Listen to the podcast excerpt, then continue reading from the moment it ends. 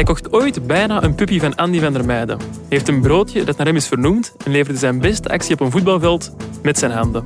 Specialer worden de specials niet. De inworp we spraken leverde Feyenoord wel de laatste landstitel in de clubgeschiedenis op. Met Union is hij dit seizoen mooi bezig een nieuw sprookje te schrijven. Welkom Bert Nieuwkoop, welkom bij Shotcast Special.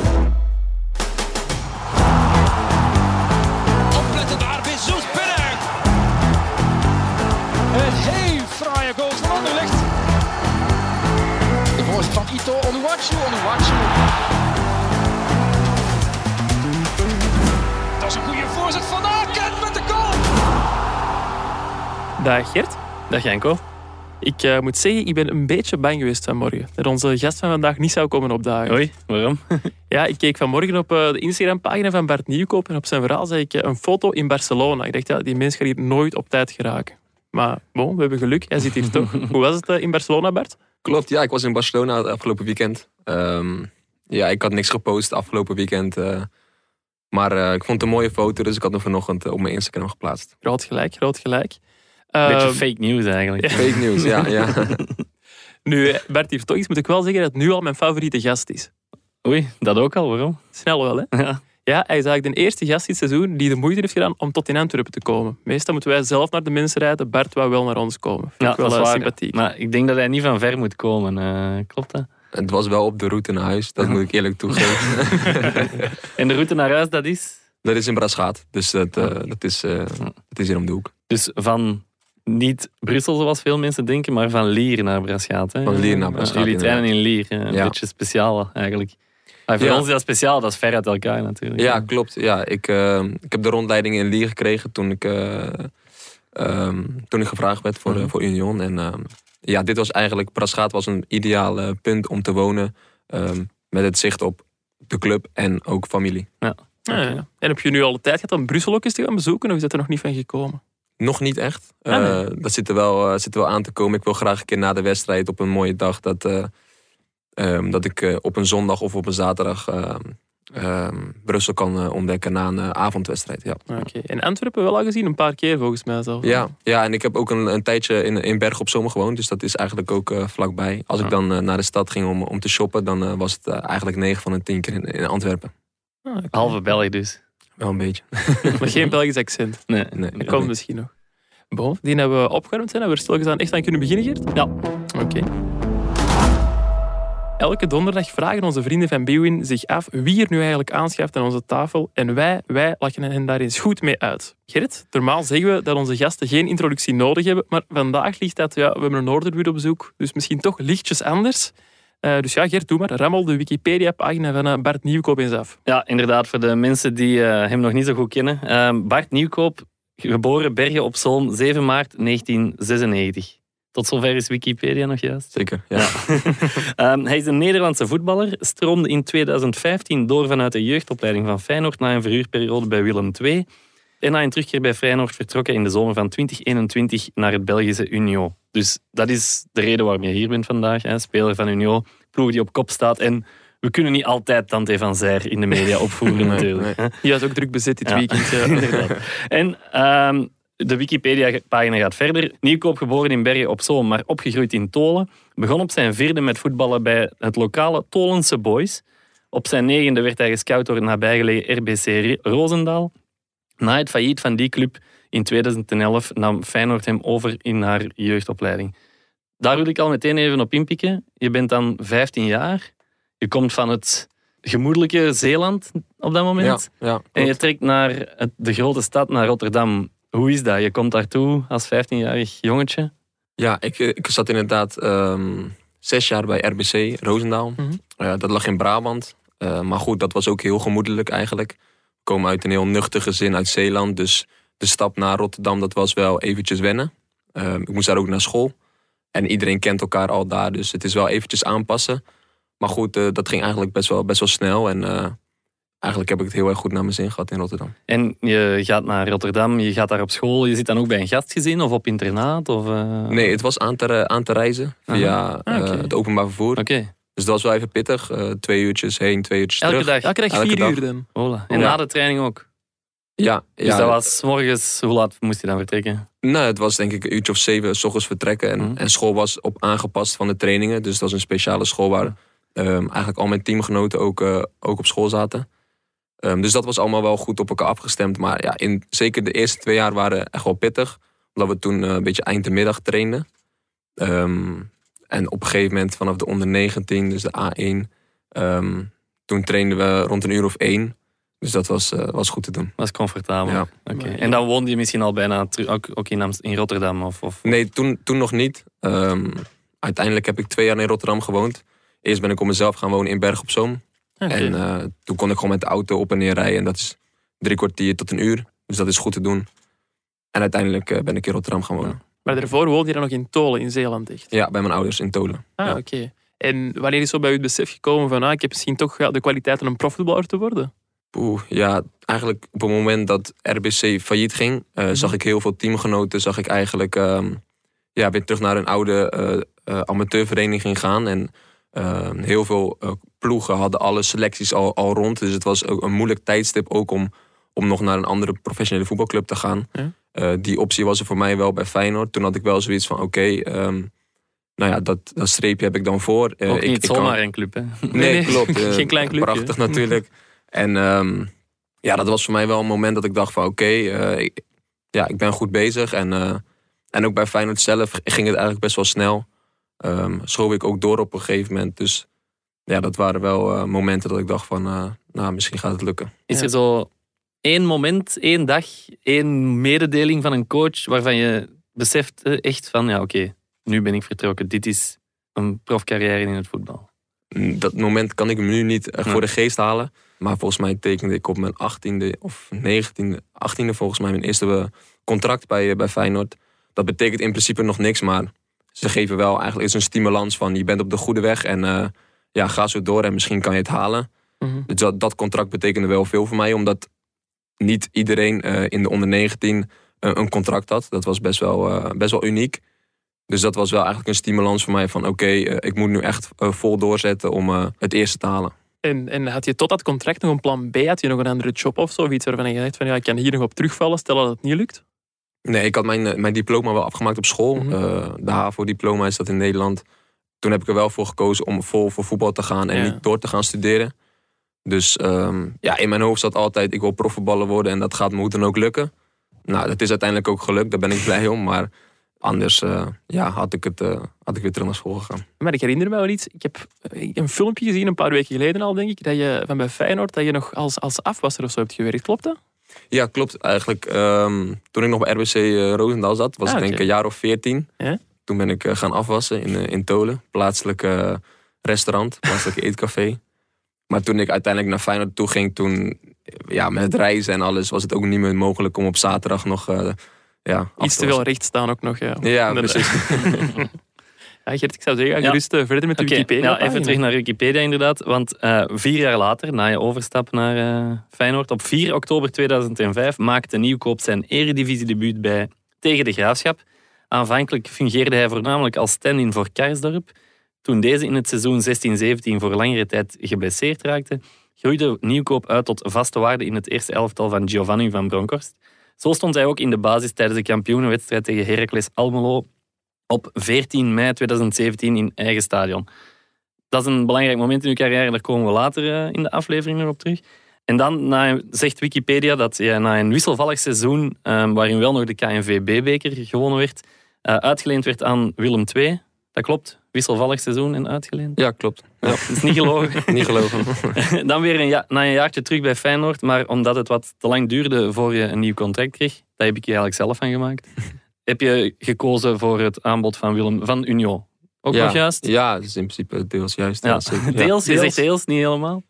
Nee, ja, ik denk dat ik ook toe was aan een nieuwe stap. En dat het contract eh onderhandelingen uitbleef met Feyenoord, dat klopt. Oké. En dan nog een grappige laatste zin eh, op je Wikipedia-pagina is... De auteur schrijft, eh, dus Nieuwkoop vertrekt naar Union, waar hij zou moeten bijdragen aan lijfsbehoud. nu is dat toch wel even anders uitgedraaid hè, voor Union. Jullie staan Ja. eerste na 14 speeldagen. Dat, is, ja, dat lijfsbehoud zal wel lukken dit jaar, denk ik. Hè.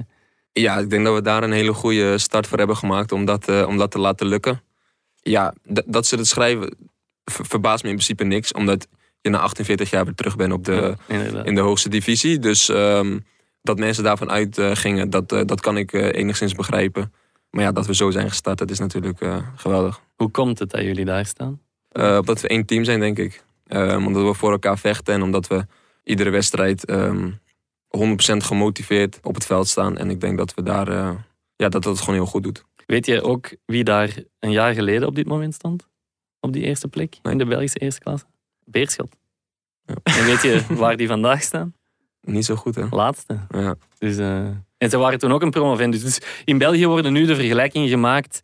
Kan Union, wat Beerschot vorig jaar niet kon, en daar blijven? Dus ja. vraag aan jou. Kan Nee, ja, ik, ik, ik begrijp het ook wel. Omdat ja, je zit in een goede flow. Je hebt een heel goed seizoen gehad in de tweede divisie. Ehm, dat gevoel neem je mee.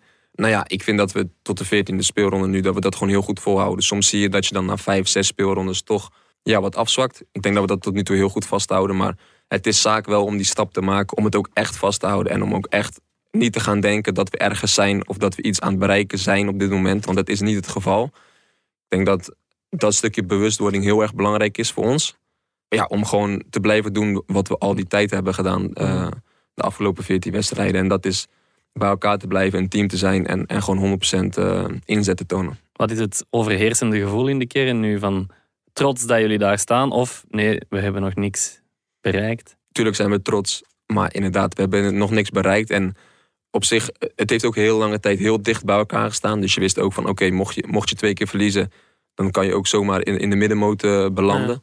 Nou, dat hebben we eigenlijk goed eh, zien te voorkomen... door onze wedstrijd te blijven winnen. Maar nog steeds ja, is het allemaal best wel nog dicht bij elkaar. En, en kan je na een paar mindere weken ook heel ergens anders staan. Dus ja, we moeten gewoon eh, ja, zo door blijven gaan... en zorgen dat we onze wedstrijden blijven winnen. Oké. Ik denk dat we Bart Nieuwkoop al iets beter kennen, maar ik zou toch nog zo een paar stappen verder willen gaan.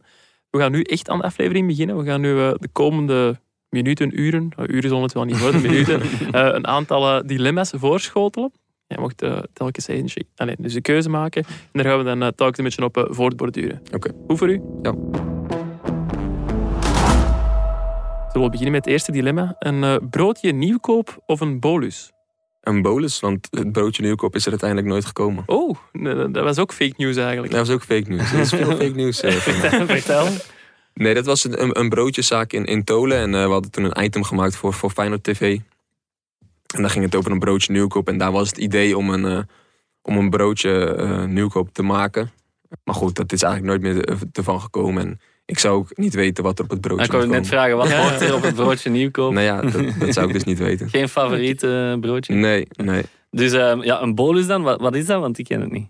Ik heb er ook Ja, nog nooit van gehoord. Een, een, een Zeeuwse, Zeeuwse lekkernij eigenlijk. eh, ik weet ook niet precies wat het is, maar het is eh, lekker voor bij de koffie. Het is een beetje smeuig met suiker. Ah, het is Ah, wel oké. zoet. Ja, ja, dat wel, oké. Ja, ja. is lekker.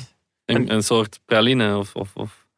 Ja, ik, ik weet het niet Hm. eh, hoe, hoe, je, hoe, je, hoe we het kunnen noemen. Ja, want je zegt nu een Zeeuwse specialiteit. Dat vraag ik mij ook wel af. Voelt je nu eigenlijk, eigenlijk meer Zeeuw, meer Rotterdammer, meer eh, Antwerpen, hè? ja, Antwerpenaar? Dat zou ook kunnen. Nee, ik, ik voel me niet per se Zeeuw. Ik kom uit Tolen en dat ligt ook net tegen de rand van Zeeland aan. Ja. Dus je bent ook heel snel weer in Brabant. Scholen heb ik in Brabant gehad en in Rotterdam. Ehm, ik woon met heel veel, woonde met heel veel plezier in Rotterdam en daar heb ik ook een huis gekocht. En daar zie ik mezelf ook in de toekomst wonen. Dus ik, ja, maakt me niet zo uit. Ik voel me wel Nederlander. En, en je accent van waar is dat? Want ik herken er soms een klein beetje, niet heel veel, Noah Lang in. Zou dat kunnen? Want die, is ook van Rotterdam uiteindelijk, toch? Ah, hij komt wel uit Rotterdam, ja. Maar hij heeft zoiets meer, moet je dat noemen, zo straattaal of zo, denk ik nog. Maar ja, sommige klanken herken ik wel. Hij heeft wel wat meer, eh, wat meer strata, denk ik, in zijn stem. En het zou kunnen dat, dat het herkenbaar is. Ja, ja, was maar ja. ja, de- die verge- vergelijking heb ik in, nog nooit gehoord. Misschien nog wat meer Brabant. eh, Ja, misschien wel. Goeie wel. mix. Ja. Want Tolen is van bij ons thuis, van bij ons een, een rit waar wij soms met de fiets naartoe rijden. Dus dat is vanuit België. Het is vlak bij België Ja, ook, hè, dat je, dat je woont. Dus eh, nog goed verstaanbaar. Beter Ja. dan nog wel lang, vind ik. Oké, dan gaan we over eh, naar dilemma 2. De Kuip of het Durenpark? Die vergelijking, eh, die dilemma heb ik al een keer eerder uh, voorgeschoten gekregen. Ah, oké. Ehm, dat is voor, voor mij de Kuip. Ehm, omdat ik als kleine jongen fan was van Feyenoord. Ja. En ook eh, op 15-jarige leeftijd bij Feyenoord eh, terecht kwam. En mijn, mijn doel was om het eerst te halen en om daar te mogen voetballen. Dat was mijn ultieme droom en daarom eh, de Kuip, ja. Ja, doet het dan ook een beetje ja, pijn dat de Kuip ja, zou gaan verdwijnen? Is dat iets dat gevoelig ligt? Ja, ja, er zijn nu wel weer nieuwe ontwikkelingen. Dat het toch wel weer stil komt te liggen en eventueel een renovatie. Ja, dat zou natuurlijk eh, zonde zijn, eh, omdat het, eh, ja, het is een prachtig stadion met, ja, met prachtige supporters. Ja, het zal wel zijn. De eerste keer dat je daar dan staat, herinner je je dat moment nog? De eerste keer op zich niet echt. Maar er, zijn, er blijven altijd dingen hangen, zoals Ja. zo'n kampioenswedstrijd. Ja. Ook de, de Champions League wedstrijden, de Europese wedstrijden op zich. Ja, dat zijn wel momenten, dat, ja, dat is prachtig. Was je er, voor je er als voetballer was, al geweest als fan ook? Of? Ja, ja, Ja. ja, zeker. Maar echt Ja. als fan of als jeugdspeler? Want dat is ook nog een verschil. Ja, nee, ook, ook Ja, als fan. ja, ja. Ehm, ja, het is ook een beetje de grootste club die, die, die dicht bij eh, Tolen ligt. Ja. Op een uurtje rijden. Dus Nog wel een logische keuze ook ja, uiteindelijk. uiteindelijk een natuurlijk. logische keuze. Ja, dat snap ik. Maar je kiest nu voor, voor de Kuip. Maar ik moet zeggen, het Durenpark, dat moet voor een voetballer toch ook wel iets speciaals zijn, niet? Nee, zeker. Ja, het, het, het is voor mij als ultieme voetballiefhebber... denk ik dat iedereen het prachtig vindt. Omdat het, het heeft gewoon iets ja, historisch. Ik vind het hartstikke mooi dat het tegen het park aan ligt. Je vanuit het park ehm, eigenlijk het stadion kan betreden. Dus ja, dat is gewoon eh, prachtig. En ik, iedereen die ook langskomt of om komt kijken... die vindt het ook helemaal geweldig. Ja, dat zal wel. Dus ehm, ja, ik denk dat zeker veel mensen eh, een keertje de, die kant op moeten gaan. En, en heeft dat meegespeeld in uw keuze voor Union? Toen, er dus, toen bleek dat je bij, bij Feyenoord, ja, dat er niet meteen onderhandeld werd over een nieuw contract. Je moet dan op zoek naar een nieuwe ploeg. Hoe komt je dan eigenlijk bij Union terecht? Hoe, hoe is dat gegaan? Nou, dat liep eigenlijk eerst via mijn zaakwaarnemer. Eh, die kreeg de, de interesse ehm, te horen en eh, die kreeg ook een soort van presentatie meegestuurd vanuit de club. Nou, daar was hij zelf ook heel erg over, over te spreken. Dus eh, hij heeft dat bij mij voorgelegd en we zijn eigenlijk samen naar gaan kijken. Dan ga je natuurlijk allemaal informatie opzoeken over de club. Wist je al iets over Union? En ik wist nog niet, ja, ik wist eigenlijk nog niks van de club. Niks. Dus die informatie die ga je natuurlijk wel opzoeken. En op een gegeven moment ga je ook voor jezelf ga je plussen, minnen. En daar gaat ook wel wat tijd overheen natuurlijk. Eh, maar op, op een gegeven moment waren er gewoon veel meer pluspunten dan, dan minpunten. En ja, blij dat, eh, dat het uiteindelijk helemaal rond is gekomen. Ah, Oké. Ehm, nog even terug naar het eh, stadion van Union. Ik, ben, ik ben daar vroeger ook geweest op de tribune, maar ook in de catacomben als journalist dan. Maar nooit in de kleedkamers. Hoe, de eerste keer dat je die kleedkamer binnenstapt, hoe is die kleedkamer? Is, want dat is toch iets dat je volgens mij ook zelden elders ziet. eh. Ja, ja het, is Kun je die vrij, eens beschrijven? het is vrij klein. Mhm. Ehm, alles is van hout. Iedereen heeft wel zijn eigen plekje. Het is van Mhm. hout, het is blauw. Ja, het is niet heel groot. We hebben nog wel een aparte fysio-ruimte Mhm. eraan vast. Dus dat, dus dat is ideaal. Dus je- daar heb je wel alle ruimte om te behandelen en om eh, te activeren. Ja, voor de rest eh, ja, is het niet heel groot. Kort op elkaar allemaal. Ja, ja. En vier douches? Of, eh, of hoe? Nou, er zijn wel iets meer, zes douches. Ja, maar als je met een mannetje of drie doucht, dan eh, zit er niet heel veel eh, druk meer op. druk, waterdruk op. En als dan net de tegenstander ook aan het douchen ja, dan, eh, dan wordt het lastig. En altijd warm water wel? Of- Dat wel, Ah, dat wel. Dat is wel positief. Dus het stadion was wel een van de, de dingen die bij uw plusjes stond. Bij uw, eh, Ja, en ik was Ook eigenlijk contract. nog nooit geweest, ook niet eh, daarvoor. De, de presentaties en de rondleidingen die kreeg ik in Lier. Ah. Dus eigenlijk de eerste keer dat ik het, eh, het stadion heb bezichtigd was ook bij een training. Dat we Ja. daar trainen. Maar goed, op internet zag ik natuurlijk wel Ja, beelden en, eh, en video's van, eh, van het stadion. Ja, ja, want je zegt nu van ik heb heel wat opzoekwerk gedaan voor mijn transfer naar Union en zo. Maar Union zelf heeft ook wel wat opzoekwerk gedaan voor uw transfer blijkbaar. Ze zijn echt jou helemaal gaan doorlichten persoonlijk, mensen gaan bellen en zo. Maar ze hebben blijkbaar ook een volledige aflevering van Andy in de auto bekeken. Hoe was dat eigenlijk bij Wist van je der dat, Meijden in dat, de auto? dat, dat de club dat, dat bekeken heeft voor ze jou? Ik wist niet dat ze dat van tevoren hadden bekeken, maar ik hoorde wel de assistent-trainer eh, Karel. ja? Ehm, Karel hoorde ik eh, van de week zeggen dat hij hem had, ge- had gezien.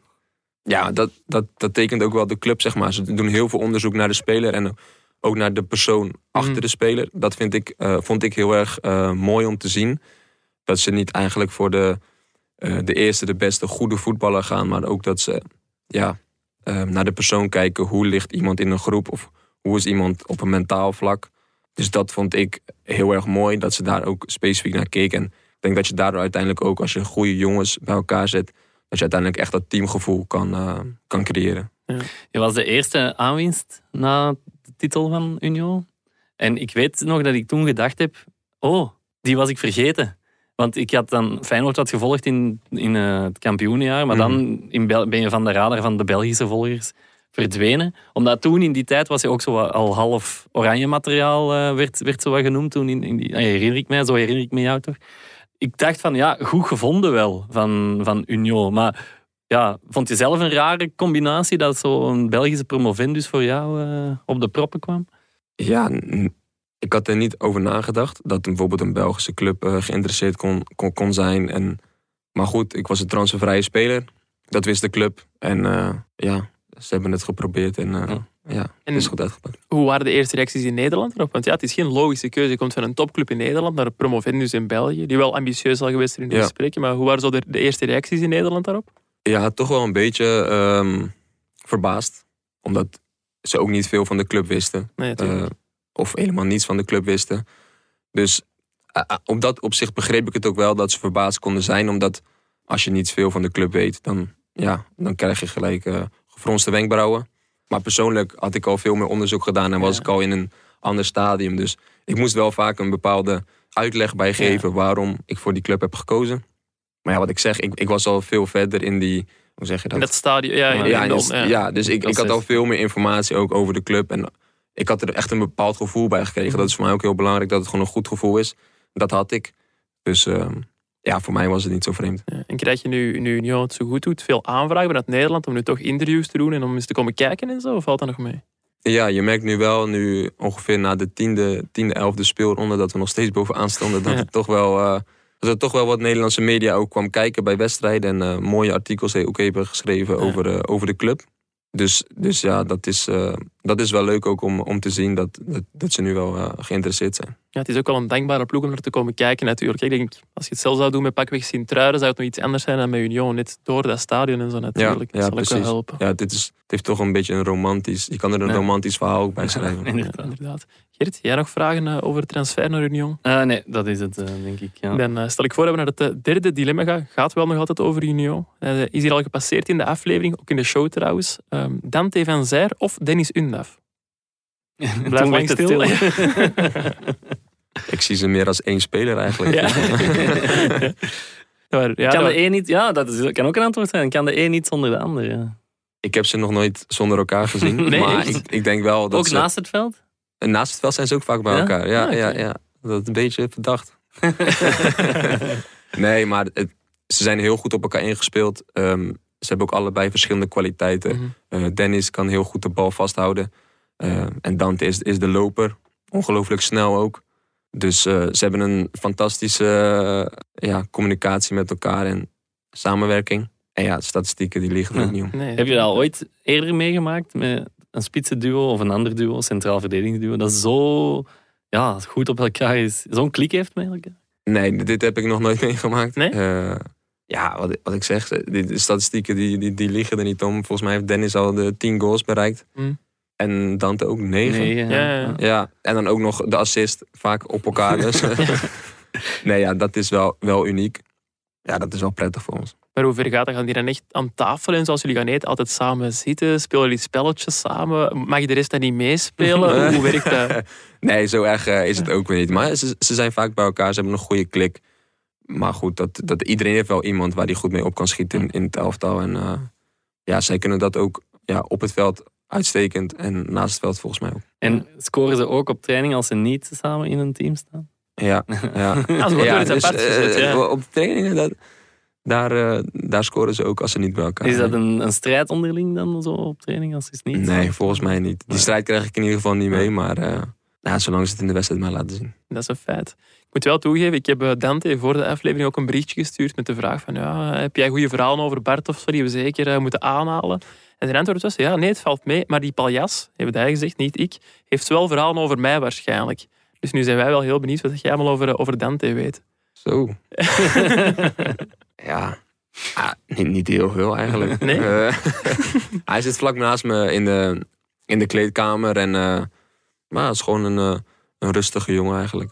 Een van de weinigen waar je ook Nederlands mee kan spreken, denk ik. Ja, ja, op zich zijn er wel een aantal Ja? jongens. Ja. Maar met Dante kan je Ja. natuurlijk wel goed... Ja, wie is er nog? Sieben ook nog, denk ik. Ja, ja. En dan Karel, de assistent-trainer. ja, ook. Gerard. ja. Oké. Is wel, eh, wel prettig. En hoe verloopt de communicatie voor de rest in de ploeg? Dat in het Engels of in Ja, de jullie Frans besprekingen, zijn voornamelijk in het Engels en in het Frans. Eigenlijk eh, herhaalt de coach wat hij in het Engels heeft gezegd in het Frans. Ah, ja. Maar je ziet wel dat, volgens mij hoorde ik ook dat het vorig jaar wel meer in het Frans was dan nu.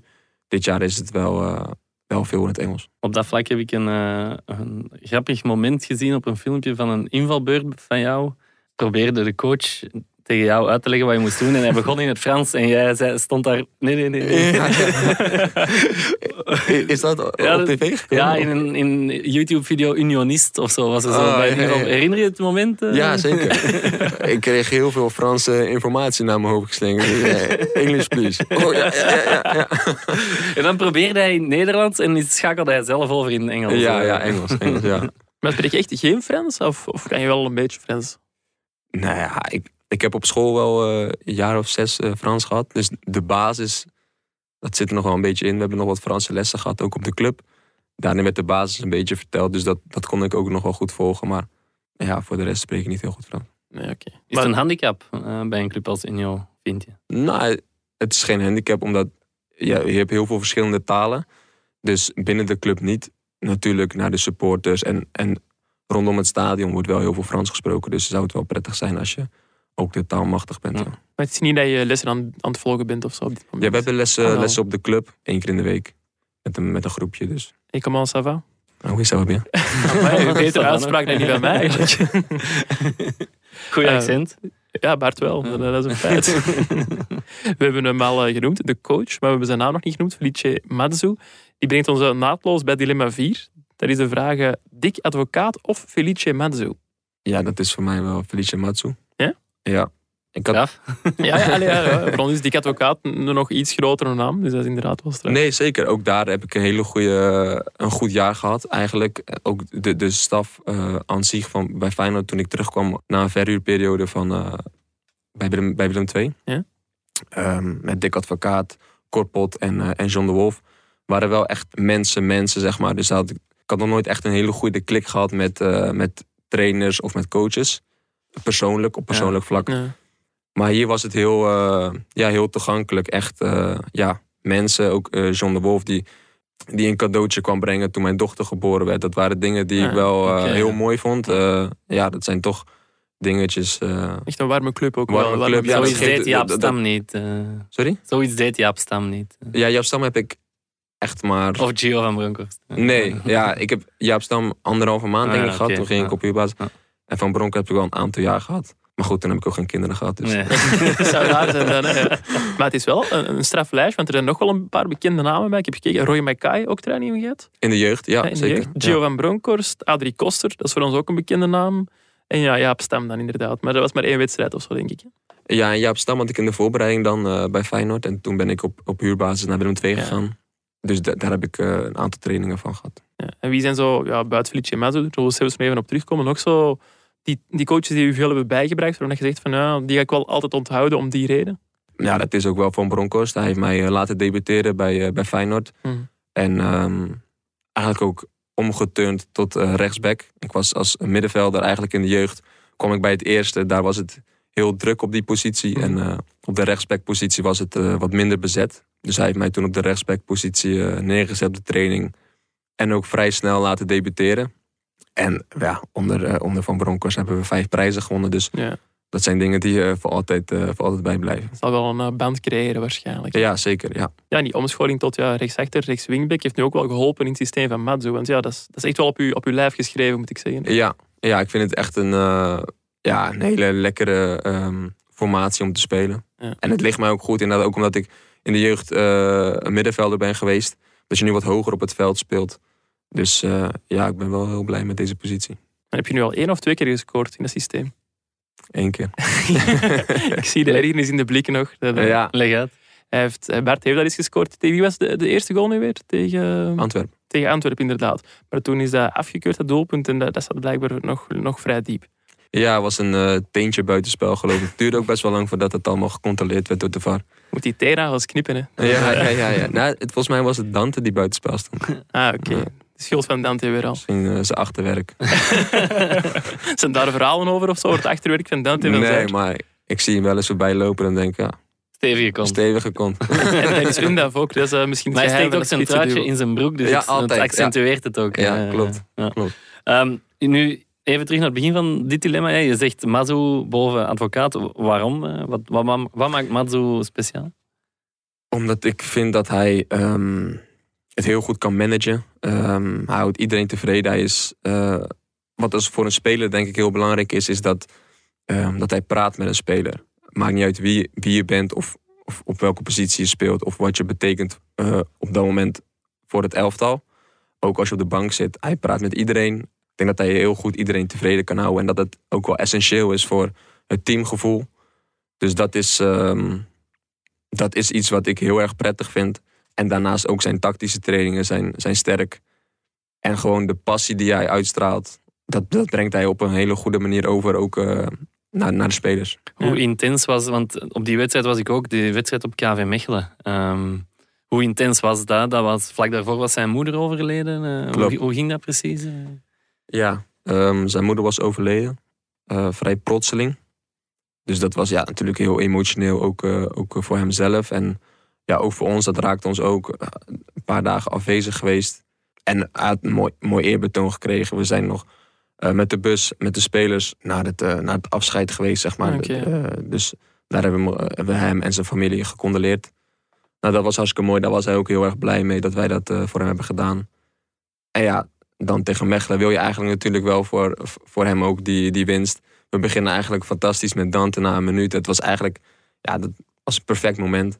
Helaas konden we dat dan niet vasthouden. Ja, dat was zo'n moment. Jullie scoren en eigenlijk heel dat stadion van KV Mechelen, jullie lopen allemaal naar, naar de coach. En ik, je voelde in dat stadion dat iedereen dat mooi vond, dat moment. Zelfs al die KV Mechelen supporters die net na een minuut 1-0 achter, ja. achterkomen, die, zelfs die vonden dat een, dat was echt ja, dat was een moment dat je zelf ja, meemaakt. Ja, dat, dat is ook, uiteindelijk is, is dat het belangrijkste, belangrijker dan voetbal, het leven. Mm. Um, en ik denk dat iedereen zich wel heel goed kon verplaatsen zeg maar, in die situatie op dat moment van de coach. En dat het gewoon prachtig was dat we ja, na één minuut uh, direct een goal scoren. Ja, heeft allee, sowieso een super moeilijk moment, maar voelt je ook wel dat dat jullie als groep nog hechter heeft gemaakt, dat je nog sterker bent dan ervoor? Dat is allee, misschien raar, maar dat dat toch nog een positief effect heeft gehad op jullie? Ja, ongetwijfeld uh, hebben we daar ook laten zien aan elkaar, ook aan de coach, ook spelers onderling, dat we ja, echt een team zijn en dat Ja. we voor elkaar klaarstaan, ongetwijfeld uh, wat er gebeurt. Dus ik denk zeker dat dat wel uh, ja, uh, dat gevoel kan versterken dat we echt één, ja, één zijn. Ja, want dat is wat dan nu ook geschreven en gezegd wordt. Jullie doen het supergoed met Union. Binnenkort komt ook de, de eraan. Er gaan sowieso jongens zijn die in het oog springen bij andere clubs. Kan misschien ook wel helpen om ja, zulke jongens dan ook wel bij de groep te houden. Van, kijk eens hoe sterk dat we zijn. Is dat iets waar jullie ook wel op, op rekenen? Van, willen dit echt wel samen afmaken, dit avontuur? Ja, dat gevoel heb ik wel. Je weet natuurlijk nooit wat er gaat gebeuren en wat er voorbij komt voor bepaalde, voor bepaalde jongens. Maar goed, daar, ik denk ook niet dat, dat de jongens daar op dit moment mee bezig zijn. Iedereen is denk ik wel happy met op het moment uh, hoe wij uh, presteren. En ook qua individu is het natuurlijk uh, goed. Goed voor je eigen carrière. Dat je je zo kan laten zien. Um, dan zal er ongetwijfeld zal er op een gegeven moment wel bepaalde interesses komen.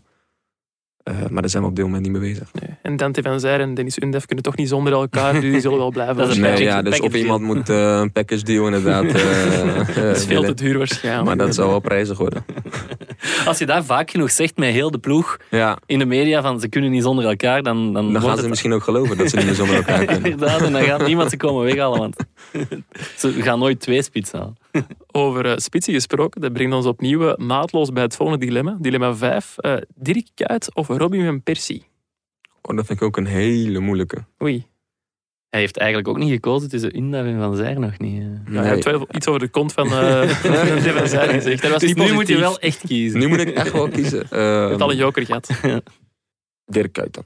Dirk Kuyt? Ja. Want je hebt met alle, alle twee samengespeeld bij Feyenoord, als Ja. ik me niet vergis. Klopt. En waarom Dirk Kuyt, als ik mag vragen? Ehm, nou ja, top professional. Hm. Dat eh, allereerst ehm, hoe hij met zijn lichaam bezig was toen hij binnenkwam. Ik keek er wel echt tegenop, zeg maar, toen hij voor het eerst binnenkwam lopen. En hoe, hoe, bedoel je dat? eh, Met zijn lichaam bezig? Ja. Zijn dat... Altijd in de gym, Uh-huh. super fit. Hij was natuurlijk ook op leeftijd dat hij terugkwam. Hoe oud was hij al toen? Mm, ik denk 35. Ja, dat zal wel dan toch zijn. nog die motivatie om elke dag in de Ja, gym te gaan precies. En ook als je ziet hoe hij eruit ziet, qua lichaam, dat, dat was super fit. En ja, eh, ook met hem prijzen gewonnen. Assist mogen geven met de, met de inworp in de kampioenswedstrijd. Als je ziet, als je terugkomt eh, naar Feyenoord, En eh, je hebt eigenlijk één doel om kampioen te worden. En je maakt dan in de beslissende wedstrijd een hat-trick. Ik denk dat je dan heel mooi je carrière afsluit. Ja, dat is niet slecht gedaan, inderdaad. Ehm, maar goed, hij heeft mij ook op een gegeven moment wel geholpen met, met eh, de verhuur naar eh, Willem II. Ah, Oké. Op welke manier? Hij, eh, hij belde hem op een gegeven moment op en hij had eh, ehm, gesproken op een, eh, op een opening van een eh, trainingscomplex van, van, van de jeugd van Feyenoord. Met Martin van Geel, dat was voorheen de, algemeen, de technisch directeur van Feyenoord. Ja. Dat is toen de algemeen directeur van Willem II geworden. Eh, de rechtsback was daar geblesseerd geraakt en toen kwamen ze eigenlijk te spreken over mij. En ehm, hij belde me daarna op van, ja, ehm, je hebt een aflopend contract bij Feyenoord, maar volgens mij willen ze best wel verlengen met jou. En ehm, ja, eh, ik heb Martin Vergeel gesproken en ze zoeken nog een rechtsback. En ze zijn wel geïnteresseerd om, om jou te huren. Dus eh, zo is dat balletje eigenlijk gaan rollen. Ah, oké. Dus dat is, ook, eh, dat is ook een heel mooi moment geweest eigenlijk. Heel dankbaar voor dat, dat hij me daar heeft opgebeld. En eh, nou, uiteindelijk is dat ook zo, eh, zo gebeurd. Dirk Kuyt een beetje als makelaar eigenlijk toen al. En ja, weet je wel. En je zegt van ja, hij was echt met zijn lichaam bezig in de gym en zo. Zijn er nog van die kleine zaken die je dan oppikt van jongens als ja, van, van Kuyt, maar ook van Persie? Ik veronderstel dat dat ook wel een, een topprof was. Ja, dat, die jongens hebben zoveel ervaring. En die weten ook inderdaad hoe belangrijk dat, dat teamgevoel is. Ehm, als, als je scoort dat de bank opspringt, dat is denk ik belangrijker dan dat jongens... Ja, natuurlijk is dat veel belangrijker. Maar dat, dat jongens op de bank zitten eigenlijk hopen dat je verliest. Omdat je dan eh, misschien zelf erin mag komen. Als je echt eenmaal dus de bank ook met teammentaliteit eh, hebt zitten. Daar was Dirk Kuyt ook heel erg mee bezig. En Van Persie ook. Ook natuurlijk heel veel meegemaakt. Die kwam terug echt... Ja, hij wilde alleen maar helpen. Je merkt al dat hij echt dat trainersvak eh, in wilde gaan. Eh, was met iedereen bezig. Dus eh, En hoe, ah, hoe stimuleerde zij dat teamgevoel dan? Ja, door gewoon af en toe te spreken in de kleedkamer. Of jongens apart te nemen. Of ook gewoon soms de groep apart te nemen zonder de staf erbij. Dus dat zijn wel dingen die, eh, die, die ik heb meegemaakt zeg maar, met, eh met Kuit en eh, Van Persie. Heb je bij die jongens gez- dingen gezien waarvan je zegt, ja, dat maakt het verschil tussen die echte toppers en de andere profvoetballers? Ja, Robin van Persie die kan gewoon zo ongelooflijk goed voetballen. Ja, ik kan me voorstellen, ja. Soms is het dat- ook zo simpel. Het is gewoon ook, eh, ja, die is gewoon zo goed. De eerste keer dat, dat hij meedeed met een paas- en trapvorm, ja, alles, alles was gewoon perfect. Ja, ik heb hem daar eens over horen vertellen. En misschien, misschien dat hij dat dan ook zelf doet. Hij had ooit eens, zat hij in een jacuzzi bij Arsenal met uitzicht op, een, op het trainingsveld. De training was gedaan. Dennis Bergkamp was aan het terugkeren van, eh, van blessure. En hij zag Dennis Bergkamp een oefening doen, alleen met een reservespeler en een coach. En die deed daar alles vol intensiteit. Elke bal werd daar vol ingespeeld. En dat vertelde Van Persie daarover. En hij zei toen van ja, daar heb ik ook beseft van ja, ik speel misschien wel bij Arsenal, maar ik ben er nog lang niet. Allee, Mhm. ik moet zelf... En vanaf die dag ging hij ook alles vol op intensiteit trainen. Dus dat was misschien ook wel iets dat jij gezien hebt dan. Ja, nee, dat verhaal ken ik ook inderdaad van hem. En dat, soms heb je denk ik wel van die momenten dat je, dat je iets ziet en dat je denkt van, zo, ja, zo moet het. Eh, dat, dat bij Van Persie ook, de eerste keer dat hij met een paas en trap voor hem meedeed. Altijd die vooractie. Altijd dus echt dat even loskomen van je Ja. tegenstander. Ook al is er geen tegenstander. Ja. Dat, dat liet hij gelijk zien. En, ja, Nooit je- op halve krijgt. Nee. en, en je gaat dat op een gegeven moment ook gewoon meedoen. Omdat je denkt van ja, zo moet het. dus het zijn wel eh, ja, prachtige voorbeelden. Ja, dat zou wel. Ja, je hebt dingen die je kan zien, maar vertelden ze ook dingen of zo? Want We hadden hier een paar weken geleden een special met eh, Alessio Castromontes van Agent. Die heeft vroeger training gekregen van Claude Makelele. En die vertelde dan verhalen uit zijn tijd bij Real Madrid. Vertelde Dirk Kuyt en Robin van Persie dan ook ja, dingen van bij Arsenal of bij Liverpool of zo? Bijvoorbeeld dat verhaal van Bergkamp dan? Nee, dat, dat is niet, eh, tenminste Niet- voor mij, heeft hij niet tegen mij gezegd in de kleedkamer of iets. Niet echt voorbeelden uit de praktijk dat ik nu eens 1, 2, 3 even snel op kan noemen Nee. die, die, die, ze, die ze hebben verteld in de kleedkamer. En in hoeverre heb je van die dingen overgenomen van hem? Want ja, ik heb ook gelezen, je hebt wel wat last gehad van blessures in het Ja. verleden ook en zo. Ben je er ook anders mee beginnen omgaan sinds je hebt samengespeeld met Kuyt en Van Persie? Ja, je, je gaat je lichaam ook beter leren kennen. Ehm, ik wil niet zozeer zeggen dat het door de spelers komt, maar natuurlijk ook door, door de staf. Ehm, een gegeven moment heb ik wel, eigenlijk voor iedere training doe ik een soort van activatie. Dus Ja. ehm, zorgen dat je spieren geactiveerd zijn voordat je het veld op gaat. En dat is de loop der jaren eigenlijk heel erg normaal geworden bij clubs. Dus je ziet ook dat, dat wij dat eigenlijk iedere dag doen. Ehm, Dus dat heb ik mezelf wel aangeleerd. Maar goed, wat ik zeg, het is ook gewoon normaal geworden. En ik denk dat eigenlijk bijna bij iedere club dat wel nu gebeurt. Dat voordat je het veld op gaat, dat je even een half uurtje met elkaar eh, de spieren activeert. Oké. Ja, zo ehm, voor je sportleven wil het ook zeggen dat nooit uitgaan, geen uitspattingen, of valt dat wel mee? eh? Ja, dat valt, dat valt wel mee. Eh, je moet natuurlijk ook wel naast het voetbal heb je gewoon nog een leven. En eh, dat vind ik ook heel erg belangrijk. Dat, eh, dat niet heel mijn leven in het teken van voetbal staat. Daarnaast heb ik net een dochtertje, dus dat is ook superleuk. Mhm. En dan ga Hoe je oud is ze? Eh, één, één en twee maanden. Oké. Ze, ze loopt net, dus dat is... eh, dat, dat, dat, Intense periode. Ja, ja, ja. Het is eh, veel erachteraan rennen op dit moment. Maar goed, eh, ja, het, het, het, het staat niet alleen maar het teken van het voetbal. Dus je kan wel eens iets gaan drinken of zo ook in Antwerpen dan. Ja, zeker. En, en waar ga je dan zo naartoe? Want eh, onze, onze collega Lars, die, die woont ook in Antwerpen, die gaat ook wel geregeld is er, eh, iets drinken en zo. Dus misschien heb je nog wel tips voor hem. Ja, ik heb niet echt een tip. Als ik ga, dan is het eh, vaak gewoon eh, op de grote markt. Ah. Dus het verschilt een beetje van eh, welk, eh, welk teentje. En wat, wat drinkt Bert Nieuwkoop als hij iets gaat drinken? Colaatje zero. Colaatje, altijd cola ze- zero. Colaatje zero of, eh, of een spaarrood. Sambuca nooit? Nee. Nee, ik, ben, ik, ik heb ergens ook een verhaal over, over Sambuca gelezen, dacht ik. Iets met, met Ah. shotjes en water en... Ah ja, dat is bij, eh, dat ik verteld bij Andy volgens mij in, de- in de dat auto. kan kloppen.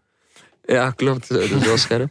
Eh, nee, ik was een keer op een verjaardag van een teamgenoot. En eh, ik, ik, was niet, e- ik ben niet echt een drinker. Dus Mm. ik, ik had de eerste keer dat ik dronk was, denk ik toen we kampioen eh, zijn geworden.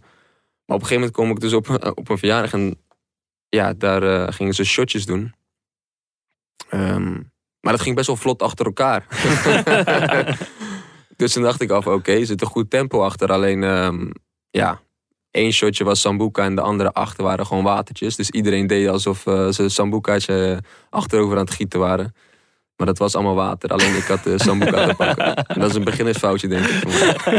En daar sindsdien altijd cola zero gewoon. Cola Zero, ook dat Cola Zero. Oké. Eh, Gert, Ja, wij- daarom dat je daarnet, Janko vroeg, ja, wat wil je drinken? Dat je geen eh, water vroeg, maar wel een koffie. eh. Ja, koffie, Geen, ja. risico's meer. Geen dat is eigenlijk al een tip, nee. maar hij had het niet door, denk ik. Je had misschien nog één ding, want we gingen er juist over. Het, ja, Kuit en Van Persie zijn wel Feyenoord-iconen. Wij hebben er hier in België ook wel eentje. Eh, Jan Boskamp. Hoe goed ken je die?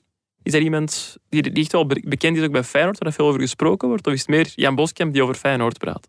Nee, ja, persoonlijk ken, ken ik hem niet. Nee. Maar hij is eh, volgens mij heel vaak in de Kuip te vinden. Ja, dat denk ik wel. Ehm, ik heb hem nooit persoonlijk ontmoet. Dus ver- ik ken hem verder Ja. persoonlijk niet. Maar hij is wel eh, veel bij Feyenoord te vinden, ja zeker. Ah, oké. Is ook een eh, icoon van het Brusselse voetbal. Hè? Ja, dat is Ja. waar. RWDM. Ja. RWDM en Anderlecht. Anderlecht. Ja. Klopt. Ehm, dilemma 6, dat is denk ik iets makkelijker dan de vorige. De inworp of je eerste goal of tweede goal voor Union? Oeh, toch twijfel. ik dacht dat het makkelijker zou zijn. Nou, mijn goal. Toch? Echt? Ja? Ja. Ah, dat vind ik heel verrassend. Ik Ja? had Ja. verwacht blindelings de inworp. Nou ja, tuurlijk de inworp prachtig. Omdat, eh, omdat het in het kampioenswedstrijd Ja, was. vertel even, Ja, wat er juist wij zeggen hier is, de ja. inworp. Ja, Misschien weten niet alle luisteraars wat het is. Eh, nou, op, eh, tijdens de kampioenswedstrijd ehm, ging de bal eigenlijk al vrij vlot uit. Ehm, nou, we wilden het tempo hoog houden, Mhm. dus ehm, ja, de bal ging uit. Eh, ik wilde snel de bal pakken. Hij kwam toevallig tegen eh, Van Bronckhorst aan. Die gooide hem direct naar mij. En, Pre-assist van Van Bronkhorst. ja, ja. En ehm, ik zag eh, Dirk Kuyt in de diepte gaan, dus ik bedacht me eigenlijk geen seconde en gooide hem, gooide hem in de diepte. En eigenlijk met een klein gelukje, uitglijden van de, van de tegenstander, kwam, die, kwam die perfect voor de voeten van eh, Dirk Kuyt. Nog wel een moeilijke hoek, maar Ja, hij schoot hem inderdaad. eh, fantastisch binnen. Dus ehm, ja, dat was een fantastisch moment. En De ik denk start ook wel... van het titelfeest. Sorry? De start van het titelfeest. Ja, nee, ja. En ik, eigenlijk ook als in zo'n wedstrijd de goal heel lang uitblijft, dan wordt het toch nog heel erg spannend. Dus het was eigenlijk een perfect moment eh, om heel vroeg in de wedstrijd te scoren. Dus ja, heel erg blij met die, met die inworp. En waarom dan toch de goal? Omdat, ik, eh, omdat het mijn eerste goal is in mijn carrière. Ah, echt? Ah, maar Oké. ja, dat is me niet opgevallen. Nee, mij ook niet. Ja. Ja. Proficiat. Dankjewel. Vandaar die frustratie bij die goal tegen ja, Antwerpen ja, ja, nee, ik, ik, ik, ik was dus gewoon heel erg bang dat ik uiteindelijk de voetballer zou worden die nooit een goal zou maken. dus eh, ik moet zeggen dat ik wel heel met je gelukt was. 25 jaar had je Ja. nog, heb je nog Ik wel had wat nog wel wat jaartjes te gaan, hopelijk. Heb je dan ook al zo zitten bedelen bij de coach van mag ik alsjeblieft een strafschop trappen of zo? Of, of hou je er niet Nee, Was dat Nee. iets dat wel al lang in je hoofd zat van, goh, ik wil, ik wil graag eens scoren? Ja, tuurlijk. Ja. tuurlijk. Want eh, ja, heel veel mensen wisten het niet ook. Dat, zoals Nee, jullie, nee. jullie waren ook verbaasd. Dus eh, nu kan ik het zeggen.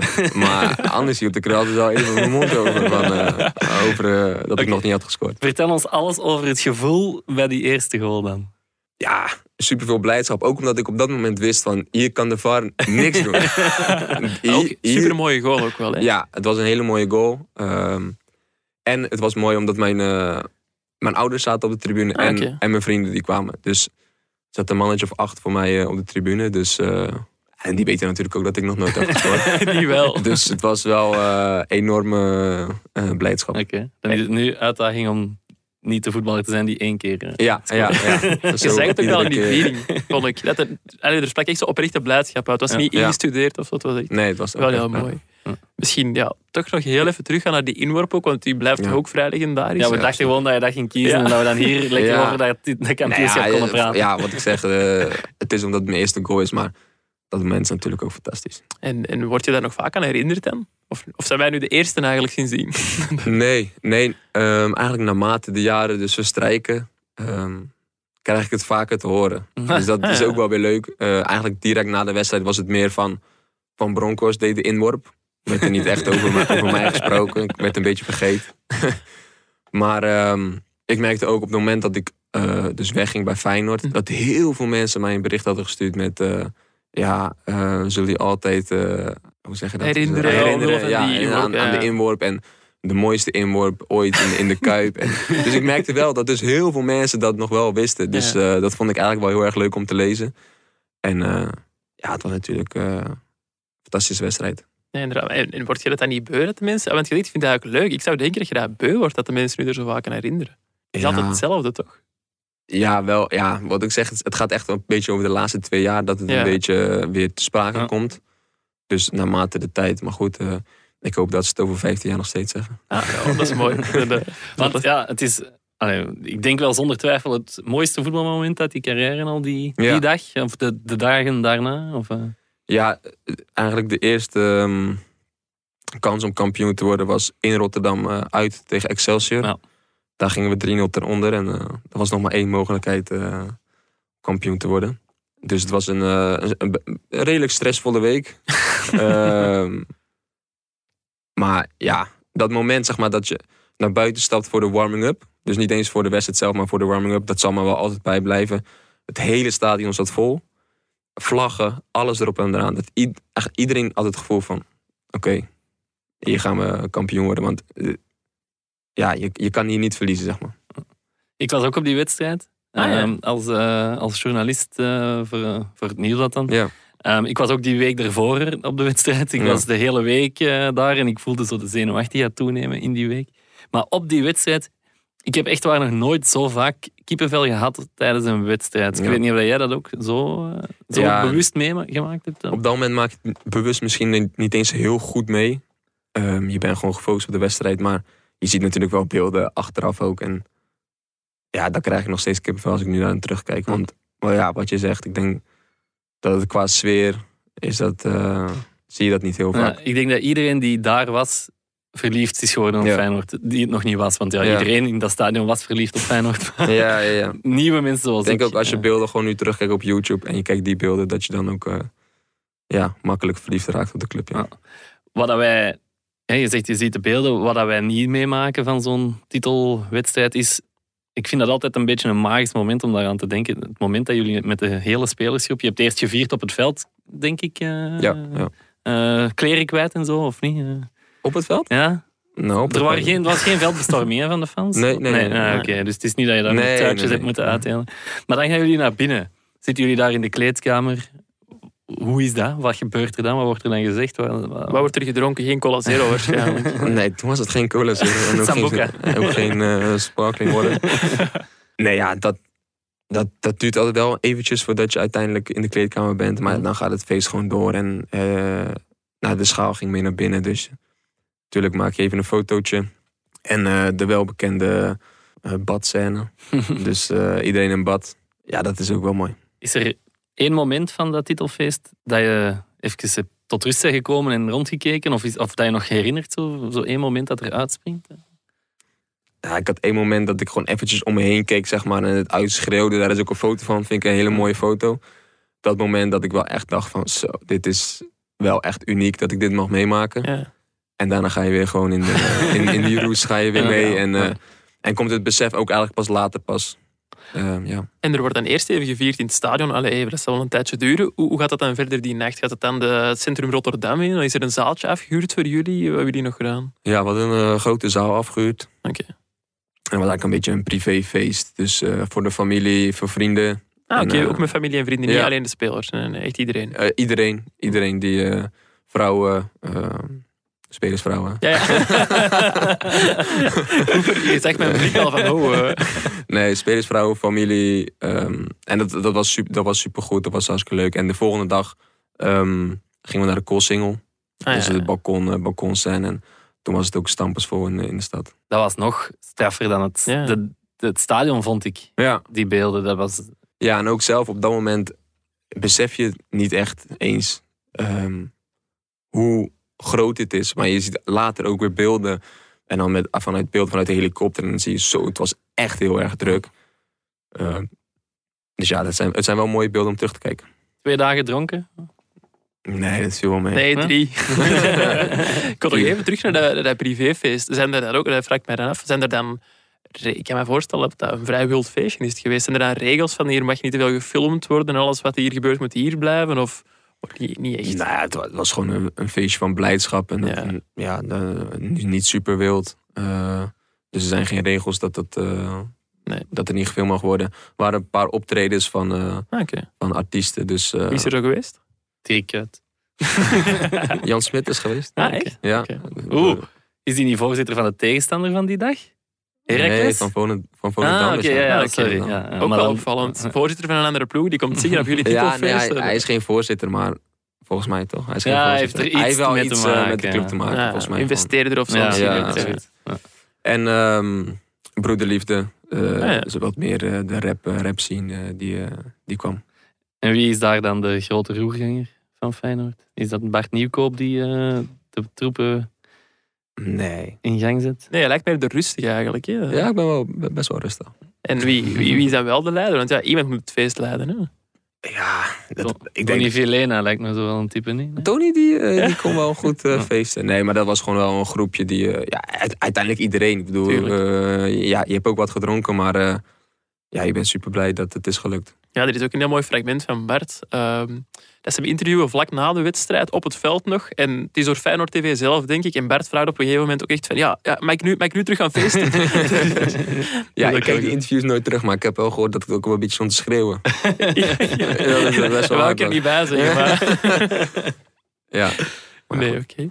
Geert, jij nog vragen over het titelfeest? Nog geheimen die je willen ontfutselen? Nee, nee, ik ben wel zo. De, de, de Kool-single is wel iets, iets magisch hè, voor, eh, voor Feyenoord. Want, want er bestaat een boek, een, een legendarisch boek. De Kool-single bleef leeg.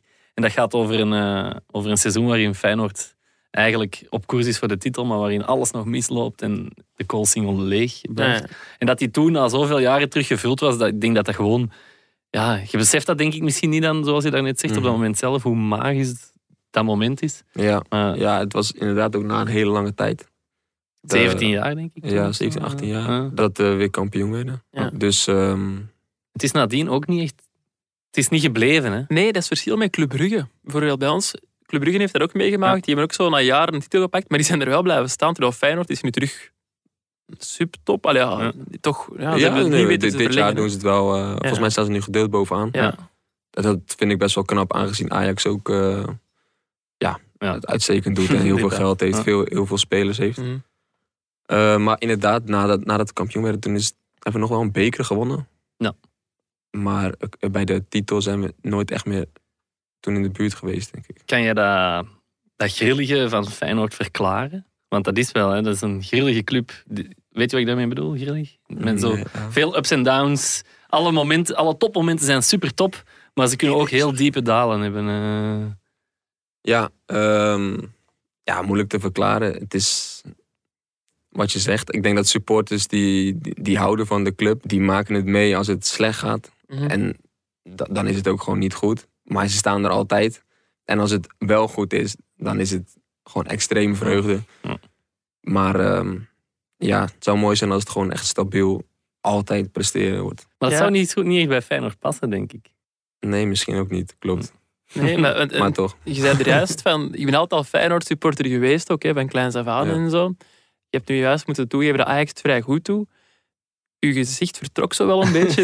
een beetje grijs. Ehm, zit die, die, die, die haat voor Ajax die sommige Feyenoord-fans hebben bij u er ook diep in? Of, of is dat relatief bij u wat aan mee?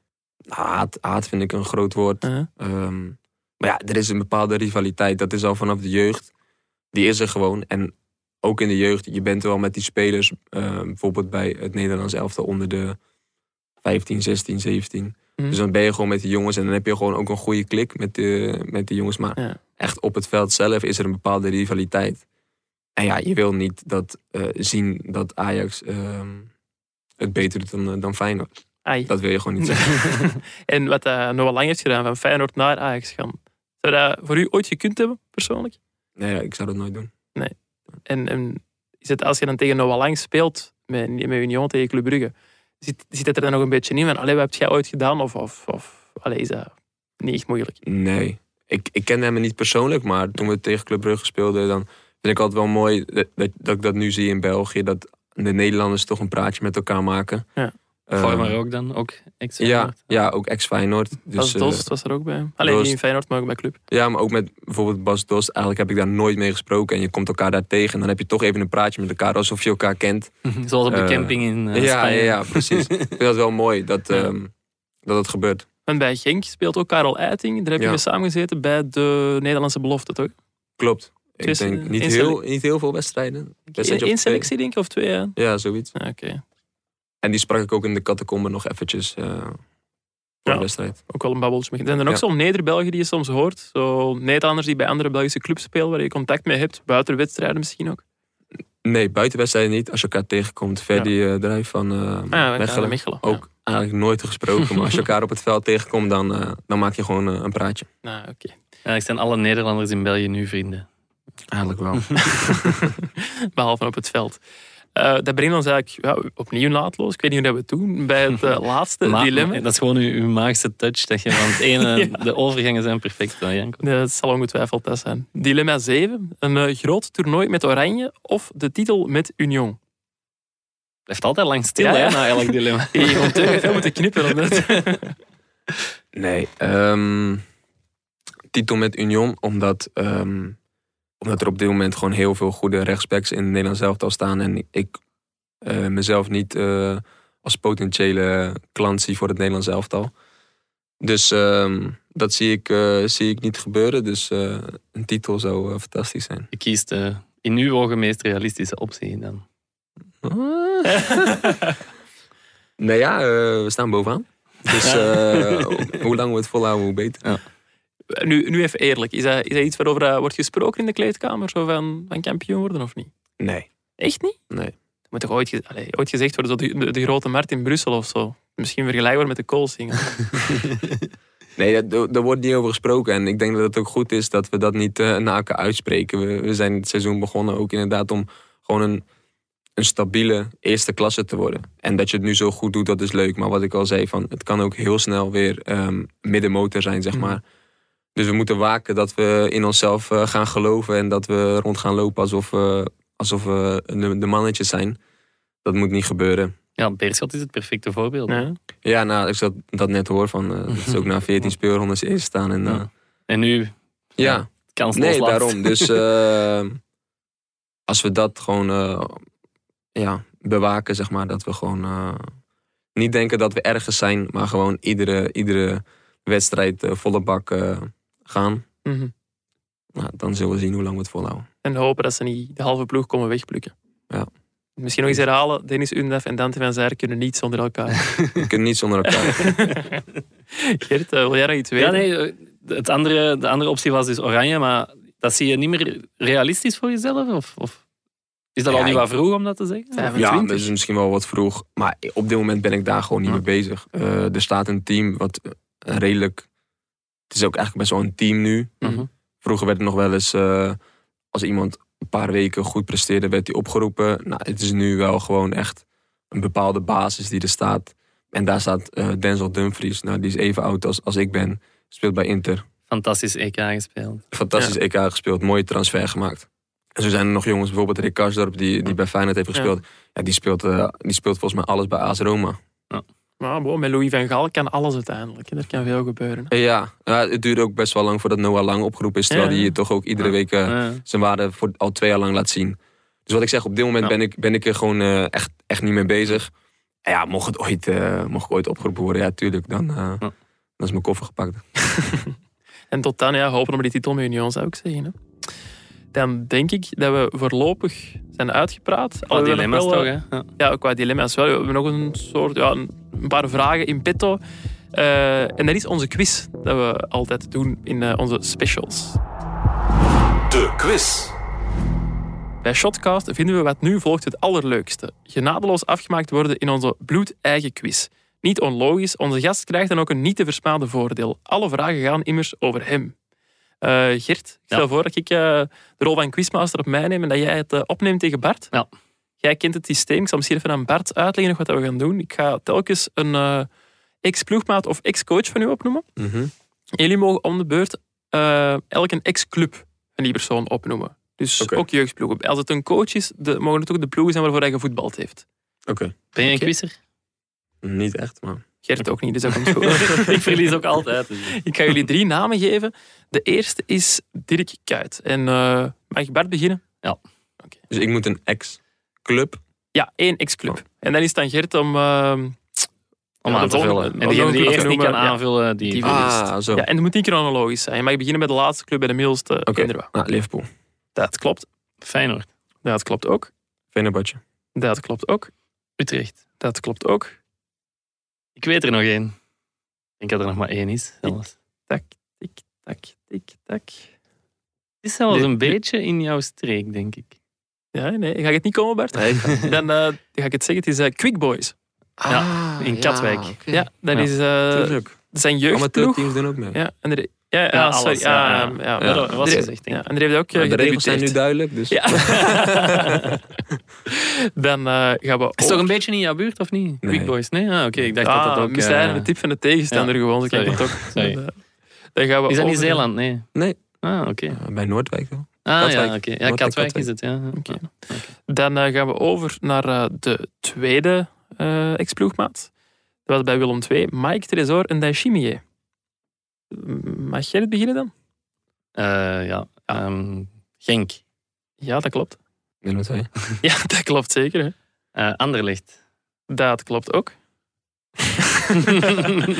ja, bij mij is het ook opnieuw, hoor. Ja, echt? Misschien nog één Nederlandse ploeg ergens. eh, Ja, nou, en NEC. NEC klopt ook. Ja, Ja. mooi. het is op. Oké, dan... Wacht, ik wacht even nadenken. Waar kan hij nog gespeeld bij Beerschot? Nee, nee, nee. Voor eh, Anderlecht, dat is de ploeg van waar hij naar eh, NEC is vertrokken, heeft hij nog bij twee jeugdploegen gespeeld. En dat waren KFC Avenir Lembeek en AFC Tubize. Ah. Dus eh, dat wil zeggen dat eh, mijn laatste persoon gaat eh, beslissen over de winst. En ik Ja. denk dat Bart hier lichtjes in het voordeel is. Oei. Gio van Bronckhorst. Bart, jij mag beginnen. Arsenal. Dat klopt. Barcelona. Dat klopt. Feyenoord. Dat klopt. Goh. PSG? Dat klopt niet. Nee, nee, nee, nee. Dan is eh, de overwinning voor Bart. Ik zal misschien... Ga je eh, nog aanvullen, Bart? ja, ik doe gerust. Hè. Eh, Rangers. Rangers Ja, klopt. Juist. RKC. Dat klopt ook. Oké, het is duidelijk. De winst Oké, ik zal eh, misschien eh, alle clubs even overlopen. Eerst de gespeelde clubs in de jeugd van RVV, LMO en Feyenoord. Daarna zijn eh profdebuut bij Feyenoord, uitgeleend aan RKC, Rangers, Arsenal, FC Barcelona en opnieuw Feyenoord, waar hij is geëindigd. Eh, dan is hij coach geweest, assistentcoach, oh, dat had nu niet gehoeven, van eh, Feyenoord en de Nederlandse belofte. Hmm. Coach van Jong Feyenoord en Excelsior, hoofdcoach van Feyenoord en daarna Guangzhou RNF in eh, China. Oké, er waren nog wel opties. Dus. Inderdaad. Dus ja, ik denk dat we kunnen spreken van een, een verdiende zege, zege Ja, voor Bart. Ja, inderdaad. Dank u wel. Bart op kop nog altijd. Zo, dit, dit was het alweer voor, voor vandaag. Onze vijfde special van het seizoen al. Bart, vond jij het een beetje leuk? Zeker. Bedankt voor de uitnodiging. Blij dat het niet in het eh, Frans was? Ja, zeker. Ik heb je wel eens op een eh, filmpje van Union in het Frans zien zingen. eh, een, een supportersliedje. ja. Ging je er al van buiten ondertussen? Nee, de Hoe eerste gaat het? Hoe gaat het? Bruxelles, ma fille, je t'aime, je porte ton emblème. Ma cour, en En dan... dan La, la, la, la, la, la. Dan wordt het la, la, la, la. Ja, precies.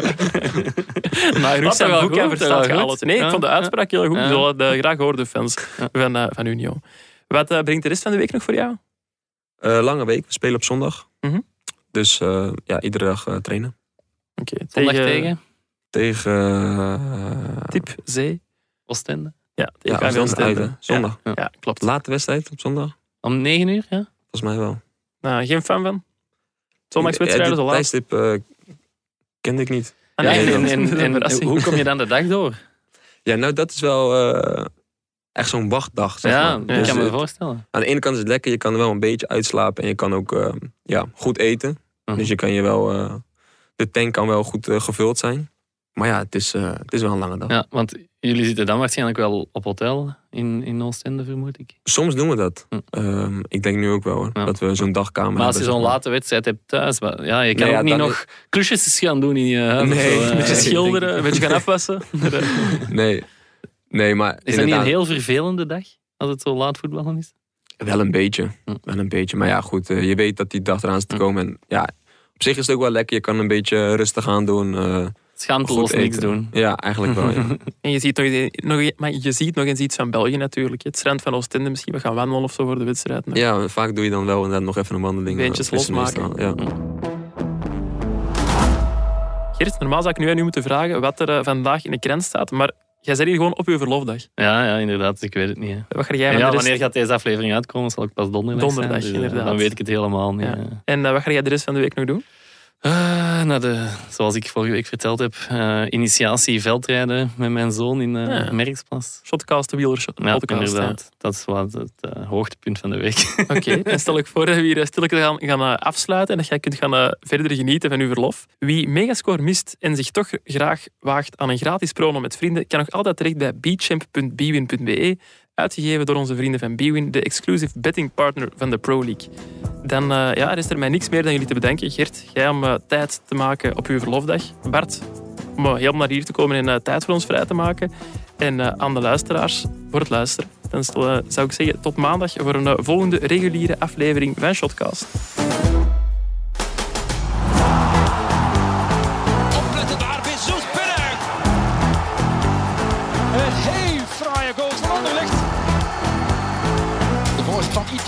absolutely watch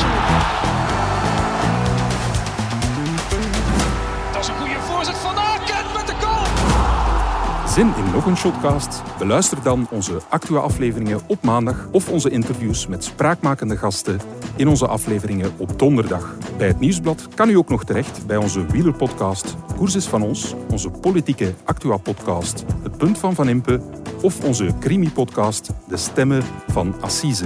Ook Slimmer Leven en ons magazine Billy kan u niet alleen lezen, maar ook beluisteren. Tot een volgende keer